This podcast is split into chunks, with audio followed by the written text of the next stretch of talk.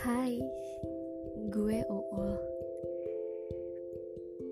Ini podcast pertama gue yang bakal bercerita tentang patah hati dan menunggu yang sia-sia. Selamat mendengarkan. thank you